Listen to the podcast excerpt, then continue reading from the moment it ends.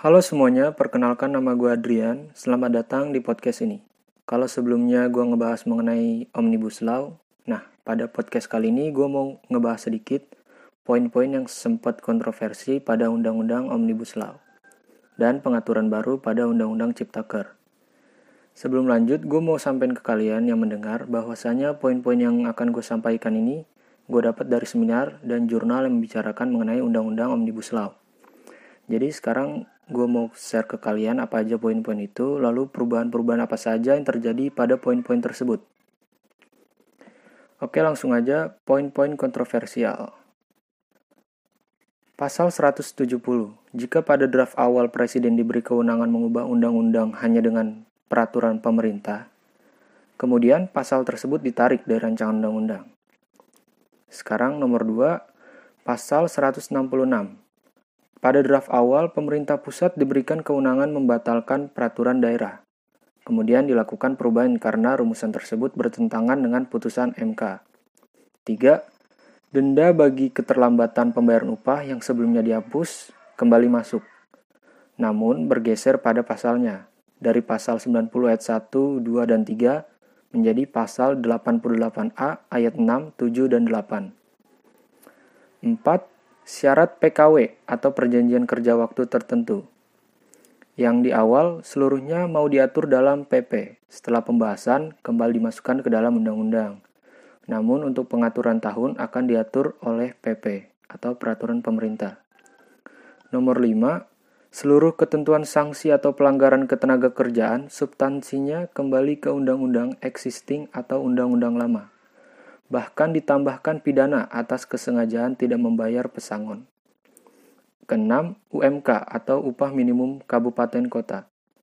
Yang awalnya hilang kembali dimasukkan dengan syarat pertumbuhan ekonomi atau inflasi. 7. Cuti haid. Menikah, melahirkan, dan lain-lain. Yang tadinya dihapus tidak jadi dihapus, sehingga kembali ke undang-undang existing atau undang-undang lama. Yang kedelapan, Syarat-syarat PHK yang awalnya seluruhnya mau diatur dalam PP dikembalikan normal, namun mengenai besaran pesangon akan diatur dalam peraturan pemerintah atau PP. Nah, itu dia sebagian poin-poin yang bisa gue sampaikan. Seperti yang telah kita dengar, bahwasanya dalam undang-undang ini akan masih ada perubahan yang akan diatur oleh PP. Kritik sedikit, dalam logika hukum bisa saja ada celah-celah hukum yang mungkin akan terdaftar pada PP atau peraturan pemerintah. Oleh karena itu, kita sebagai masyarakat harus tetap mengawali ini sampai akhir. Ini perjuangan kita, kawan-kawan, rakyat Indonesia. Lalu mengenai pengaturan baru yang progresif. Maksud dari peraturan progresif itu sendiri yakni peraturan ini hanya bisa terrealisasikan dengan Undang-Undang Omnibus Law. Karena sekali lagi, dengan Undang-Undang Omnibus Law, setiap peraturan yang menghambat dipangkas. Sebaliknya, Peraturan ini nggak bisa terrealisasikan jika Omnibus Law ini dibatalkan. Berikut ini pengaturan baru tersebut. 1.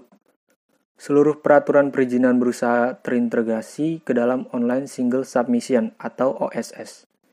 Jika sebelumnya ada peraturan tumpang tindih yang menghambat perizinan, pada undang-undang ini masyarakat difasilitasi peraturan perizinan dengan sistem online di mana sistem ini akan merampingkan peraturan-peraturan sebelumnya.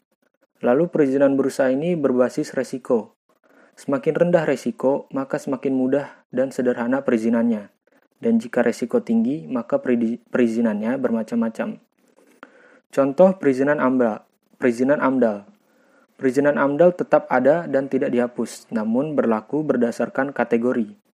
Jika kategori resiko tinggi, AMDAL berlaku, dan sebaliknya.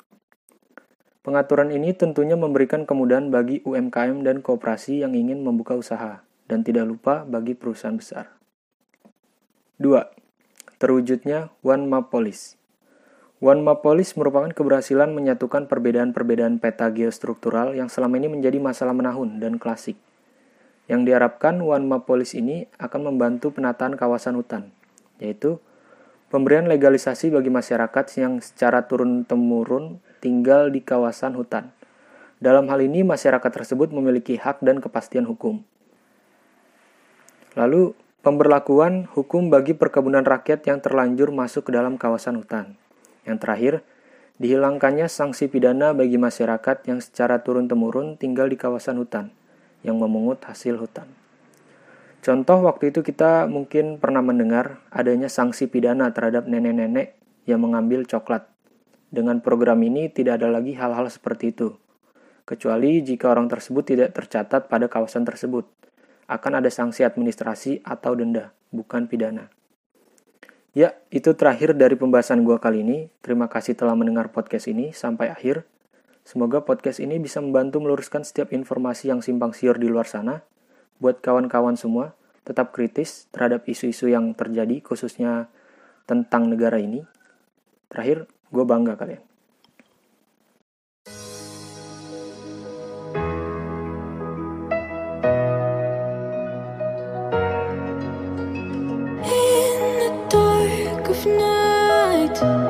stars light up the sky. We see them fly.